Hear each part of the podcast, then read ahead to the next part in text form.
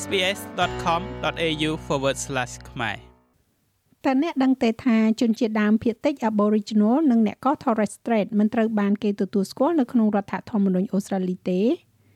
រដ្ឋាភិបាលសហព័ន្ធបានអំពាវនាវឲ្យមានប្រជាមតិសម្រាប់ប្រជាជនអូស្ត្រាលីដើម្បីសម្រេចថាតើពួកគេចង់ធ្វើវិសោធនកម្មរដ្ឋធម្មនុញ្ញដើម្បីបញ្ចូលសម្លេងជនជាតិដើមភាគតិចទៅកាន់សភាដែរឬទេដែលភាសាអង់គ្លេសហៅថា Voice to Parliament ដូច្នេះតើអ្វីជាការធ្វើប្រជាមតិតើនរណាខ្លះដែលមានសិទ្ធិបោះឆ្នោតនៅក្នុងប្រទេសអូស្ត្រាលី ហើយសម្លេងទៅកាន់សភានឹងធ្វើអ្វីបានខ្លះរដ្ឋាភិបាលសហព័ន្ធកំពុងតែស្នើសុំអ្នកដែលមានសិទ្ធិបោះឆ្នោតឲ្យសម្រេចថាតើត្រូវធ្វើបច្ចុប្បន្នភាពរដ្ឋធម្មនុញ្ញអូស្ត្រាលីដើម្បីទទួលស្គាល់ជនជាតិដើមភាគតិច តាមរយៈស្ថាប័នតំណាង ដែលគេស្គាល់ថាជាសម្លេងទៅកាន់សភាឬក៏ Voice to Parliament ដែរឬទេ ស្ថាប័ន The Voice គឺជាក្រុមមួយដែលជ្រើសតាំងឡើងដោយការបោះឆ្នោតដើម្បីផ្ដល់ប្រឹក្សាដល់រដ្ឋាភិបាល អំពីបញ្ហានិងច្បាប់ដែលប៉ះពាល់ដល់ប្រជាជនដើមដំបូងឬ First Nations លោក Evan Ekan Smith គឺជាអ្នកនាំពាក្យរបស់គណៈកម្មាធិការរៀបចំការបោះឆ្នោតអូស្ត្រាលីហៅកាត់ថា AEC ដែលជាស្ថាប័នជាតិដ៏ឯករាជ្យមួយរៀបចំការបោះឆ្នោតនានា A referendum is a national vote on a ការធ្វើប្រជាមតិគឺជាការបោះឆ្នោតជាតិទៅលើបញ្ហាជាក់លាក់មួយដើម្បីផ្លាស់ប្ដូរឬក៏មិនផ្លាស់ប្ដូររដ្ឋធម្មនុញ្ញនៃប្រទេសអូស្ត្រាលីមធ្យោបាយតែមួយគត់ដែលអ្នកអាចផ្លាស់ប្ដូររដ្ឋធម្មនុញ្ញបានគឺតាមរយៈការបោះឆ្នោតរបស់ប្រជាជនសភាមិនមានអំណាចក្នុងការធ្វើបែបនេះទេ រដ្ឋធម្មនុញ្ញកំណត់ពីរបៀបដែលរដ្ឋាភិបាលសហព័ន្ធធ្វើការវាកំណត់មូលដ្ឋានសម្រាប់របៀបដែលរដ្ឋាភិបាល Commonwealth រដ្ឋាភិបាលថ្នាក់រដ្ឋនិងប្រជាជនតាក់ទងគ្នាទៅវិញទៅមករួមទាំងច្បាប់ដែលអាចត្រូវបានកំណត់ឡើងដោយសភាថ្នាក់រដ្ឋនិងសភាសហព័ន្ធប្រជាជននឹងត្រូវបានស្នើសុំឲ្យបោះឆ្នោត yes ឬក៏ no ចំពោះសំណួរខាងក្រោម ច្បាប់ដែលបានស្នើឡើងដើម្បីកែប្រែរដ្ឋធម្មនុញ្ញឲ្យទទួលស្គាល់ប្រជាជនដើមដំបូងនៃប្រទេសអូស្ត្រាលីដោយបង្កើតសម្លេងជនជាតិដើមភាគតិច Aboriginal និងអ្នកកោះ Torres Strait តែអ្នកយល់ព្រមលើការកែប្រែច្បាប់ដែលបានស្នើឡើងនេះដែរឬទេ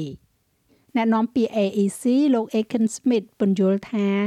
ដើម្បីឲ្យការបោះឆ្នោតប្រជាមតិទទួលបានជោគជ័យសម្លេងភាគច្រើនទ្វេដងត្រូវតែបោះឆ្នោតគ្រប់គ្រង For a referendum to pass, it has to achieve a majority. ដើម្បីឲ្យការធ្វើប្រជាមតិអនុម័តទៅបានវាត្រូវតែសម្រេចឲ្យបាននៅសម្លេងភាគច្រើននៃការបោះឆ្នោត yes នៅទូទាំងប្រទេសហើយនឹងសម្លេងភាគច្រើននៃការបោះឆ្នោត yes នៅក្នុងរដ្ឋភាគច្រើនដូច្នេះ ចឹងហើយណាស់រដ្ឋចំនួន4នៅក្នុងចំណោមរដ្ឋអូស្ត្រាលីទាំង6ត្រូវតែបោះឆ្នោត yes ចំណែកឯ ACT និងដែនដីភាគខាងជើង នៅតែត្រូវបោះឆ្នោតដោយពលរដ្ឋអូស្ត្រាលីដទៃទៀតដែរហើយត្រូវគូ yes ឬក៏ no នៅក្នុងសញ្ញកឆ្នោតប៉ុន្តែសញ្ញកឆ្នោតនៅដែនដីគេរាប់សម្រាប់តែសម្លេងភាគច្រើននៅទូទាំងប្រទេសប៉ុណ្ណោះហើយប្រជាមតិត្រូវតែឆ្លងកាត់ឧបសគ្គទាំងពីរនេះ។ ដូច្នេះការបោះឆ្នោតនៅក្នុងដែនដីនៅតែមានសារៈសំខាន់មិនគួរឲ្យជឿចំពោះសម្លេងសរុបភាគច្រើននៅទូទាំងប្រទេស Voice to Parliament ដែលបានស្នើឡើងនឹងក្លាយទៅជាស្ថាប័នដែលមានតុល្យភាព gender នៃតំណាងជនជាតិដើមភាគតិចដែលត្រូវបានជ្រើសរើសដោយសហគមន៍ First Nations ដើម្បីតំណាងឲ្យពួកគេនៅក្នុងការផ្ដល់យោបល់ដល់សភា នៅពេលធ្វើសេចក្តីព្រាងច្បាប់ដែលប៉ះពាល់ដល់ពួកគេ វានឹងមិនមានអំណាចនៅក្នុងការអនុម័តច្បាប់ការសម្រេចចិត្តវេតូឬក៏ការបែងចែកថវិកាទេសភានឹងបន្តដំណើរការជាធម្មតាសាស្ត្រាចារ្យ Megan Davis គឺជាស្ត្រី Kobol Kobol និងជាប្រធានខាងច្បាប់ធម្មនុញ្ញនៅសាកលវិទ្យាល័យ New South Wales លោកស្រីគឺជាផ្នែកមួយនៃក្រុមអ្នកជំនាញទៅលើការទទួលស្គាល់ជនជាតិដើមភាគតិចនិងអ្នកកោះ Torres Strait នៅក្នុងរដ្ឋធម្មនុញ្ញដែលដាក់សំណើសម្រាប់ The Voice លោកស្រីនិយាយថាប្រទេសផ្សេងទៀតបានអនុវត្តគំរូស្រដៀងគ្នានេះដោយជោគជ័យ។ This is a very common reform that's made នេះគឺជាកំណែទម្រង់ទូទៅមួយដែលធ្វើឡើងចំពោះប្រព័ន្ធប្រជាធិបតេយ្យជុំវិញពិភពលោកដើម្បីធានាថាសម្លេងរបស់ជនជាតិដើមត្រូវបានឮនៅពេលដែលរដ្ឋាភិបាលបង្កើតច្បាប់និងគោលនយោបាយអំពីពួកគេ ហេតុផលមួយក្នុងចំណោមហេតុផលជាច្រើនដែលយើងមិនអាចបិទគម្លាតបាននៅក្នុងគុណវិបត្តិក្នុងប្រទេសអូស្ត្រាលីគឺដោយសារតែរដ្ឋាភិបាលកំរនឹងពិគ្រោះជាមួយនឹងសហគមន៍នៅពេលពួកគេបង្កើតច្បាប់និងគោលនយោបាយអំពីពួកគេណាស់លោក Dean Parkins គឺជាបរិះ Kwanda Muka និងជានាយកនៃយុទ្ធនាការចេញពីបេះដូងឬក៏ From the Heart ដែលជាយុទ្ធនាការមួយដើម្បីដាក់សម្លេងទៅកាន់សភាចូលទៅក្នុងរដ្ឋធម្មនុញ្ញ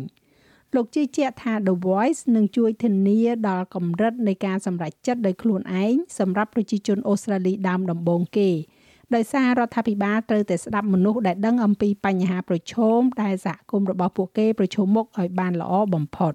It's about bringing the expertise of Aboriginal មានស្ដីអំពីការនាំយកអ្នកជំនាញនៃជនជាតិដើមភាគតិច Aboriginal និងអ្នកកោះ Torres Strait មកកាន់តុប្រជុំ ដូច្នេះសភានិងរដ្ឋាភិបាលនានាអាចបង្កើតច្បាប់និងគោលនយោបាយបានល្អប្រសើរទទួលបាននូវលទ្ធផលកាន់តែប្រសើរយើងឃើញតាមរយៈរបាយការណ៍បិទគម្លាតយើងស្ដាប់ស្ថិតិនេះពីមួយឆ្នាំទៅមួយឆ្នាំហើយប្រជាជនអូស្ត្រាលីជាច្រើនពិតជាមានការខកចិត្តដែលយើងមិនបានឃើញការផ្លាស់ប្ដូរដែលយើងចង់ឃើញនៅក្នុងសហគមន៍របស់យើងប្រជាជនតាមដំបងឬក៏ First Nations របស់ប្រទេសអូស្ត្រាលីមានទស្សនៈនយោបាយខុសៗគ្នា អ្នកខ្លះមិនយល់ស្របនឹងសំណើ The Voice នេះទេនេះរាប់បញ្ចូលទាំងអ្នកនយោបាយជនជាតិដើមភាគតិចដ៏លេចធ្លោមួយចំនួនផងដែរសមាជិកព្រឹទ្ធសភានៅដែនដីភាគខាងជើងបក Liberal លោកស្រី Jacinta Price និងអតីតមេដឹកនាំបក Labor លោក Warren Mundine គឺជាផ្នែកមួយនៃយុទ្ធនាការ No ពួកគាត់ប្រកែកថាសម្លេងទៅកាន់សភានឹងធ្វើបានតិចតួចដើម្បីដោះស្រាយគុណវិបត្តិជនជាតិដើមភាគតិច នៅពេលដែលការបោះឆ្នោតប្រជាមតិកាន់តែខិតមកជិតដល់នោះយុទ្ធនាការ Yes និង No នឹងបង្ហាញអំណះអំណាងផ្សេងផ្សេងគ្នាសម្រាប់ការគ្រប់គ្រងនិងការប្រឆាំងទៅនឹង The Voice អ្នកនាំពាក្យលោក Evan Aiken Smith និយាយថា AEC កំពុងបង្កើតយុទ្ធនាការព័ត៌មានមួយដើម្បីជូនដំណឹងដល់ប្រជាជនអូស្ត្រាលី ដែលបានចុះឈ្មោះបោះឆ្នោតជាង17លាននាក់ We'll have thousands of polling places available. យើងនឹងមានមណ្ឌលបោះឆ្នោតរាប់ពាន់កន្លែងនៅទូទាំងប្រទេសនៅថ្ងៃបោះឆ្នោតប្រជាមតិវាក៏នឹងមានមជ្ឈមណ្ឌលបោះឆ្នោតមុនពេលកំណត់ផងដែរនៅក្នុងពេលប្រមាណសប្តាហ៍ដែលជិតដល់ការបោះឆ្នោត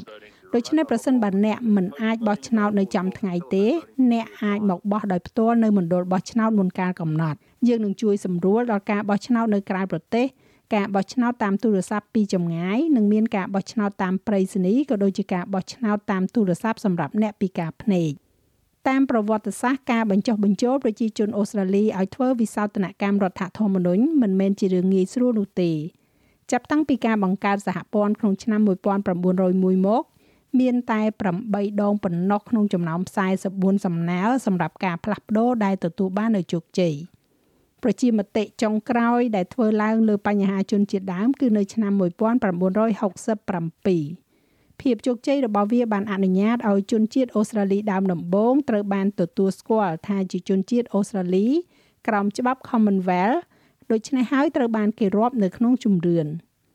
តកតងទៅនឹងរបៀបបោះឆ្នោតក្នុងការបោះឆ្នោតប្រជាមតិនាពេលខាងមុខនេះអ្នកនឹងត្រូវសរសេរពាក្យថា yes ឬក៏ no ជាភាសាអង់គ្លេសនៅលើសញ្ញាឆ្នោត លោក Pat Callanan គឺជាតំណាង AEC មួយរូបលោកពន្យល់ពីភាពខុសគ្នានៃធនធានដែលអាចនឹងទទួលបានសម្រាប់អ្នកបោះឆ្នោត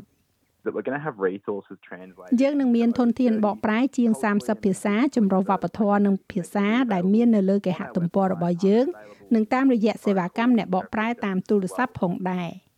ប្រសិនបើអ្នកបានចុះឈ្មោះបោះឆ្នោតក្នុងការបោះឆ្នោតនានានោះអ្នកក៏នឹងមានសិទ្ធិបោះឆ្នោតក្នុងប្រជាមតិផងដែរ នេះមានន័យថាការបោះឆ្នោតក្នុងប្រជាមតិគឺជាកាតព្វកិច្ចសម្រាប់ពលរដ្ឋដែលបានចុះឈ្មោះ so you just have to be an Australian citizen អ្នកគ្រាន់តែត្រូវជាពលរដ្ឋអូស្ត្រាលីប៉ុន្តែយើងសូមលើកទឹកចិត្តដល់ប្រជាជនថាប្រសិនបើអ្នកបានផ្លាស់ប្ដូរទីលំនៅឬប្រសិនបើអ្នកមិនប្រកាសថាតើការចុះឈ្មោះរបស់អ្នកមានបច្ចុប្បន្នភាពឬអត់នោះ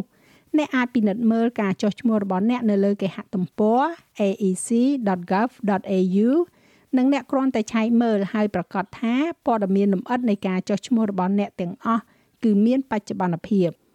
លោក Ekin Smith ជឿថាវាមានសារៈសំខាន់នៅក្នុងការចូលរួមក្នុងការជជែកពិភាក្សាដេញដោលនិងធ្វើការស្រាវជ្រាវរបស់អ្នក Really think about the topic. That's what differs ពិតជាត្រូវគិតអំពីប្រធានបទនេះ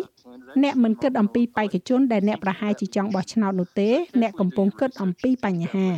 ដូច្នេះអ្នកស្រាវជ្រាវដោយប្រុងប្រយ័ត្នគិតអំពីថាតើអ្នកចង់បោះឆ្នោត yes ឬក៏ no ហើយត្រូវប្រកាសថាអ្នកមកកាន់ប្រអប់សញ្ញាឆ្នោតជាមួយនឹងការជូនព័ត៌មានវាក៏សំខាន់ផងដែរនៅក្នុងការកត់សម្គាល់ថាលទ្ធផលគឺបានការលោក Kalanan ពន្យល់ It's really important to have your say whichever way you vote វាពិតជាមានសារៈសំខាន់ណាស់នៅក្នុងការមានសម្លេងឆ្នោតរបស់អ្នកទោះបីជាអ្នកបោះឆ្នោតនៅ AEC តាមបែបណាក៏ដោយ យើងមិនខ្វល់ថាអ្នកបោះឆ្នោតយ៉ាងម៉េចនោះទេ យើងខ្វាយខ្វល់ថាប្រជាជនបានទៅបោះឆ្នោតហើយវាពិតជាពិសេសណាស់ដែលអាចបញ្ចេញសម្លេងរបស់អ្នកបានដូច្នេះយើងលើកទឹកចិត្តប្រជាជនឲ្យយកចិត្តទុកដាក់ចំពោះរឿងនោះចាររបាយការណ៍នេះចងក្រងឡើងដោយក្រុមការងាររបស់ SBS Audios និងប្រែសម្រួលសម្រាប់ការផ្សាយរបស់ SBS ខ្មែរដោយនាងខ្ញុំហៃសុផារ៉ានី